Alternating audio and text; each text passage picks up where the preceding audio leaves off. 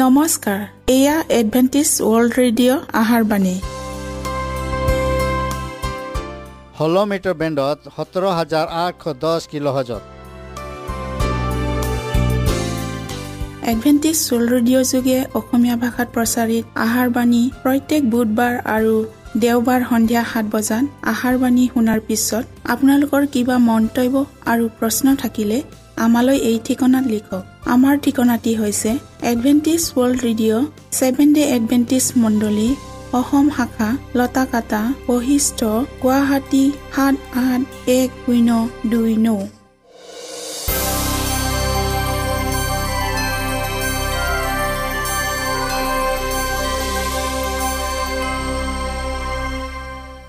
প্ৰিয় শ্ৰোতা বন্ধুসকল এতিয়া শুনো আহক এটি খ্ৰীষ্টীয় ধৰ্মীয় গীত।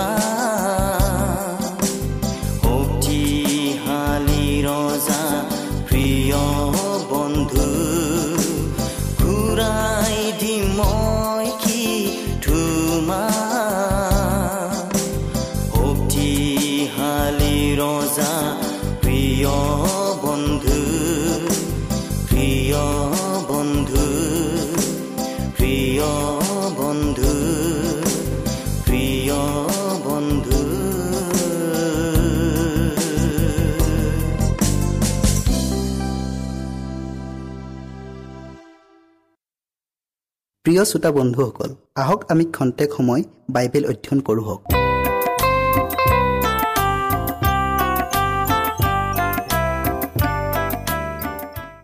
আজিৰ আমাৰ বিষয়টি হ'ল এটা দৃঢ় ভিত্তিমূল। বাইবেল পতি লোৱা হৈছে দ্বিতীয় থিমতীয় দুই অধ্যায়ৰ ঊনৈছ পদ। তথাপি ঈশ্বৰে স্থাপন কৰা দৃঢ় ভিত্তিমূল তীৰে থাকে। তাৰ ওপৰত এই কথা মোহৰ মৰা আছে। প্ৰভুৱে তেওঁলোকক জানে আৰু যিকোনোৱে প্ৰভুৰ নাম লয় তেওঁ অধাৰ্মিকতাৰ পৰা দূৰ হওক। আমি প্ৰাৰ্থনা কৰোঁ হওক। স্বৰ্গত থকা জীৱনময় গৰাকী ঈশ্বৰ জেহুৱা ধন্যবাদ প্ৰভু তোমাৰ অনন্তকলীয়া আশীৰ্বাদৰ বাবে। প্ৰভু এতিয়া আমি যি বিষয়টিলৈ অধ্যয়ন কৰিবলৈ আগবঢ়াইছোঁ তুমি আমাক সেই বিষয়টিলৈ বুজিবলৈ জ্ঞান আৰু বুদ্ধি দিয়া। প্ৰত্যেক শ্ৰোতাৰ লগত তুমি পবিত্ৰ আত্মাৰ যোগেদি থাকিবা আৰু হৃদয় স্পৰ্শ কৰি দিবা। যীশুৰ নামত খুজিলোঁ আমেন। প্ৰকৃত সত্য আৰু বিশ্বাসত গ্ৰেনাইট শিলৰ দৰে দৃঢ় লোকক প্ৰভুৱে নিজৰ লগত ৰাখিব। জগতত ইহঁতেই তেওঁৰ সাক্ষী হ'ব। তেওঁৰ আগমনৰ প্ৰস্তুতিৰ গৌৰৱময় কাৰ্যৰ বাবে ইহঁতে তেওঁৰ সঁজুলি স্বৰূপ হ'ব। যিসকল প্ৰভুৰ কাৰ্যতাই পৰম উৎসাহ আৰু আন্তৰিকতাৰে সত্যতাক প্ৰচাৰ কৰিলে তেওঁবিলাকে পদভ্ৰষ্ট হৈ আমাৰ শত্ৰুসকলৰ লগ হ'ব পাৰে। কিন্তু এনে পশ্চাদঘাতী কাৰ্যত দ্বাৰা তেওঁবিলাকে ঈশ্বৰৰ পৰম সত্যটোক অসত্যত পৰিণত কৰিব পাৰিবনে? অসম্ভৱ। পাচনিজনে কৈছে ঈশ্বৰে স্থাপন কৰা ভিত্তিমূল হৈছে সুদৃঢ় মানুহৰ আৰু বিশ্বাস সলনি হ'ব পাৰে। কিন্তু ঈশ্বৰৰ সত্যতা কেতিয়াও সলনি নহয়। ঈশ্বৰৰ থকাটো যেনেকৈ সত্য সেইদৰে যি সত্যতাটোক আমি লাভ কৰিলোঁ সেইটো অনুচিত। আৰু ছয়তানে তাৰ সকলো কলা কৌশলেৰে আৰু নৰকৰ সকলো শক্তিৰেও ঈশ্বৰৰ এই সত্যতাটোক মিছাত সলনি কৰিব নোৱাৰে। সেই মহাদুষ্ট শত্ৰুজনে তাৰ সৰ্বোচ্চ শক্তিৰে আৰু সৰ্বপ্ৰকাৰৰ প্ৰচেষ্টাৰে ঈশ্বৰৰ বাক্যক কাৰ্যক্ষমতাহীন কৰিবলৈ চেষ্টা কৰিলেও এটা পোহৰৰ চাকি জ্বলি থকাৰ দৰে সত্যতা আগুৱাই গৈ থাকিব। প্ৰভুৱে বহুতৰ মাজৰ পৰা আমাক উলিয়াই আনিলে আৰু তেওঁৰ আচৰিত কৰোণাৰ পাত্ৰ কৰিলে। ধৰ্মভ্ৰষ্টতাৰ বাজে কথাত আমি মুগ্ধ হ'মনে বাৰু?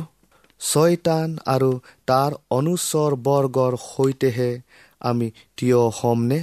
ঈশ্বৰৰ বিধান লংঘনকাৰী সকলৰ লগত আমি লগ হ'মনে? ইয়াতকৈ আমাৰ প্ৰাৰ্থনা এনে হোৱা উচিত। হে প্ৰভু মোৰ আৰু সেই ধূৰ্ত সাপৰ মাজত শত্ৰুতা উৎপন্ন কৰি দিয়া। যদি সেই অন্ধকাৰৰ অধিপতিজনৰ কাৰ্যৰ লগত আমাৰ শত্ৰুতা নাথাকে তেন্তে তাৰ শক্তিশালী বান্ধোনবোৰে চাৰিওফালৰ পৰা আমাক আগুৰি পেলাই আৰু যিকোনো সময়তে তাৰ বিষাক্ত শুংবোৰে আমাৰ হৃদয়টোক দংশন কৰিবলৈ বিন্দিবলৈ সাজু হৈ থাকে। আমি তাক মৃত্যুজনক শত্ৰু বুলি চিহ্নিত কৰা উচিত। খ্ৰীষ্টৰ নাম লৈ তাক আমি প্ৰতিবোধ কৰা উচিত। আমাৰ কাৰ্য এতিয়াও শেষ হোৱা নাই। আগবাঢ়িয়ে আছে। যিসকলে খ্ৰীষ্টৰ নাম লয় তেওঁলোক সকলোৱে আহক। খ্ৰীষ্টৰ ধাৰ্মিকতাৰ আটাই ৰক্ষাক কবচ পৰিধান কৰকহি। আমি কি বিশ্বাস কৰিছোঁ তাক বুজি লোৱাৰ সময় আহিল। আমাৰ বিৰুদ্ধে যি সময় আহিছে তাত দৃঢ়তাৰে থিয় হৈ থাকিবলৈ আহক আমি। আমাৰ বাবে এক মনুচিত নিৰ্ভৰযোগ্য ভিত্তিমূল গঢ়ি লওঁ হওক যাতে আমি অনন্ত জীৱন ধৰি ৰাখিব পাৰোঁ। আমি নিশ্চয়ে পৰিশ্ৰম কৰিব লাগিব কিন্তু নিজৰ শক্তিৰে নহয় আমাৰ পুনৰুত্থিত প্ৰভুৰ শক্তিৰেহে। আমি কি কৰিম আৰু যীশুৰ বাবে কি কৰিবলৈ সাহসী হ'ম? জোহন বিছ অধ্যায়ৰ একৈছ পদটো চাম বাৰু। পিতৃয়ে যেনেকৈ মোক পঠালে ময়ো তেনেকৈ তোমালোকক পঠাই দিওঁ। বাইবেলত এইদৰে লিখা আছে পাছে তেওঁলোকে ওলাই গৈ সকলো ঠাইতে ঘোষণা কৰিব ধৰিলে আৰু প্ৰভুৱে লগে লগে কাৰ্য কৰি সেই অনুগামী চিনৰ দ্বাৰাই বাক্য প্ৰমাণ কৰিলে। যেনেকৈ খ্ৰীষ্টয়ে নিজৰ শিষ্যসকলক পঠাই দিছিল তেনেকৈ আজি তেওঁ নিজৰ মণ্ডলীৰ সভ্য সভ্যাসকলক পঠাই দিছে। পাচনিবিলাকে পৰ্বতে যি শক্তিৰে কাম কৰিছিল সেই একেই শক্তিয়ে আজিও কাম কৰি আছে। যদি তেওঁবিলাকে ঈশ্বৰক নিজৰ শক্তি কৰি লয় তেন্তে তেওঁ সিহঁতৰ সৈতে কাম কৰিব আৰু তেওঁবিলাকৰ পৰিশ্ৰম কেতিয়াও অথলে নাযাব। তেওঁবিলাকে এইটো উপলব্ধি কৰক যি কামত তেওঁলোকে এতিয়া ব্যস্ত হৈ আছে। সেই কামটোৰ ওপৰত যে ঈশ্বৰৰ মোহৰ মাৰি থোৱা আছে। ঈশ্বৰে জিৰিমিয়াক এইদৰে কৈছিল মই ল'ৰা মানুহ এনে কথা নকবা। কিয়নো মই তোমাক যিবিলাকৰ ওচৰলৈ পঠাম তেওঁবিলাকৰ গুৰিলৈ যাবা আৰু তোমাক যি যি আজ্ঞা কৰিম সেই সকলোকে ক'বা। তেওঁবিলাকলৈ ভয় নকৰিবা। কিয়নো জিহুৱাই কৈছে তোমাৰ উদ্ধাৰৰ অৰ্থে মই তোমাৰ আগত আছো। পাছে জিহুৱাই নিজ হাত মেলি মোৰ মুখ স্পৰ্শ কৰিলে আৰু জিহুৱাই মোক ক'লে চোৱা মই মোৰ বাক্য তোমাৰ মুখত দিলোঁ। আৰু সেইদৰে আজি তেওঁ আমাৰ উট স্পৰ্শ কৰি পবিত্ৰ কৰি তেওঁ যি বাক্য আমাক দিলে সেই বাক্য আনক ক'বলৈ আদেশ কৰিছে। প্ৰিয় শ্ৰোতাবন্ধুসকল ঈশ্বৰে মণ্ডলীৰ ওপৰত এক পবিত্ৰ দায়িত্ব অৰ্পণ কৰিছে। প্ৰতিজন সভ্য সভ্যা এক এটা মাধ্যম হোৱা উচিত যাৰ মাজেৰে ঈশ্বৰে জগতলৈ নিজৰ অপৰিসীম অনুগ্ৰহৰ সোধ বোৱাই দিব পাৰে। খ্ৰীষ্টৰ অনুসৰণকাৰীসকলে যেন তেওঁৰ আত্মা আৰু চৰিত্ৰক জগতত সঠিককৈ প্ৰদৰ্শন কৰিব পাৰে। ত্ৰাণকৰ্তাজনাই সিহঁতৰ পৰা ইয়াতকৈ অধিক একো আশা কৰা নাই। ত্ৰাণকৰ্তাজনাৰ প্ৰেম বুজি পোৱাতকৈ জগতৰ বাবে আন এটা ডাঙৰ বিষয় নাই। স্বৰ্গবাসী সকলোৱে এনে নৰ আৰু নাৰীসকলৰ বাবে ৰৈ আছে যিসকলৰ মাজেৰে ঈশ্বৰে খ্ৰীষ্টান ধৰ্মৰ শক্তিক প্ৰকাশ কৰিব পাৰে। প্ৰিয়সকল তেওঁৰ দ্বাৰা শক্তি মন্ত হৈ এক বিশেষ কাৰ্য সমাপন কৰিবলৈ আৰু সেই সত্যতাক ঘোষণা কৰিবলৈ মণ্ডলীয়ে হৈছে ঈশ্বৰৰ প্ৰতিনিধি। এই মণ্ডলী যদি তেওঁৰ প্ৰতি বিশ্বাসী ভক্তিপৰায়ণ তেওঁৰ আজ্ঞাৰ প্ৰতি বাধ্য তেন্তে ঐশ্বৰিক অনুগ্ৰহৰ উত্তমতাই তাৰ ভিতৰত বাহ ল'ব। তাই যদি তাইৰ ৰাজভক্তিত অটল হৈ থাকে তাই যদি ইজৰাইলৰ ঈশ্বৰ হোৱাৰ প্ৰতি মান সন্মান ভক্তিত অটুট থাকে। তেন্তে এনে কোনো শক্তি নাই যে তাইৰ বিৰুদ্ধে থিয় দিব পাৰিব। প্ৰিয় শ্ৰোতা বন্ধুসকল ঈশ্বৰৰ আৰু তেওঁৰ কাৰ্যত প্ৰতি থকা উৎসাহে শিষ্যসকলক প্ৰবল শক্তিৰে শুভবাৰ্তা প্ৰচাৰ কৰিবলৈ আগুৱাই লৈ গৈছিল। কৃষ্টৰ উদ্ধাৰকাৰী প্ৰেম আৰু তেওঁৰ ক্ৰুচবিধ হোৱা কাহিনীৰ বিষয়ে ক'বলৈ এক নিৰ্ণায়ক সিদ্ধান্ত ল'বলৈ। আমাৰ হৃদয়টো এনে উৎসাহৰ অগ্নিজ্বলি উঠা উচিত নহয়নে বাৰু? প্ৰিয়সকল প্ৰতিগৰাকী খ্ৰীষ্টানৰ বাবে মাত্ৰ তেওঁক চাবলৈ নহয় ত্ৰাণকৰ্তাজনাক আগবঢ়াই আনিবলৈকো এক সুন্দৰ সুযোগ আহি আছে। ঈশ্বৰে আমাক সকলোকে আশীৰ্বাদ কৰক।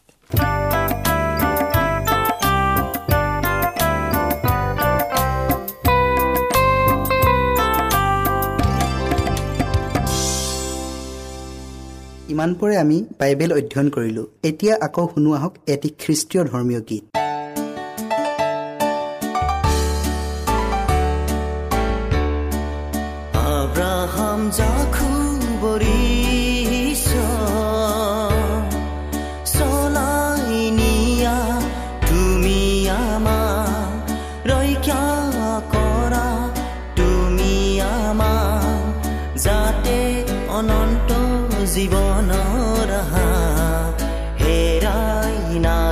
নাযায়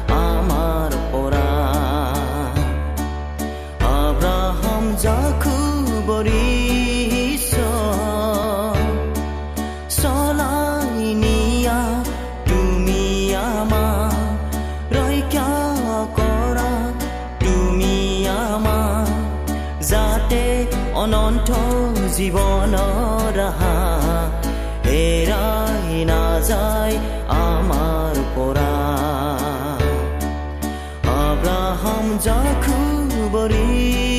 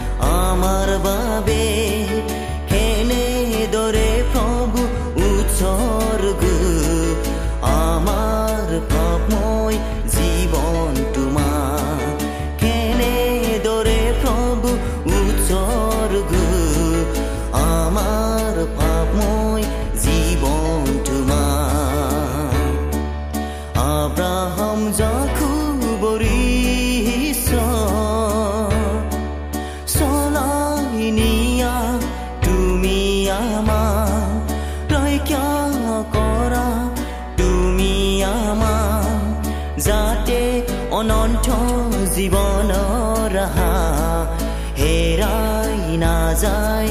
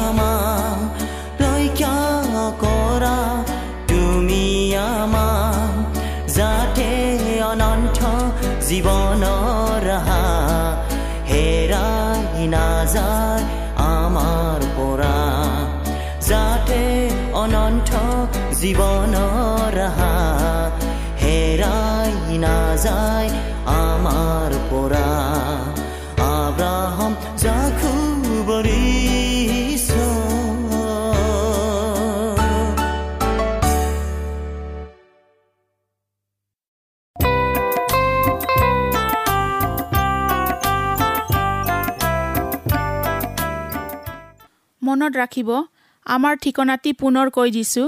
Adventist World Radio' Assam region of Seven Day Adventist Voice of Hope Lotakata Basistha Guwahati seven eight one zero' two nine প্ৰিয় শ্ৰোতা বন্ধুসকল এডভেণ্টিজ ৱৰ্ল্ড ৰেডিঅ' যোগে আহাৰবাণী প্ৰচাৰত আপোনালোকক পুনৰ লগ পোৱাৰ আহাৰে আজিলৈ সামৰিলোঁ। ধন্যবাদ।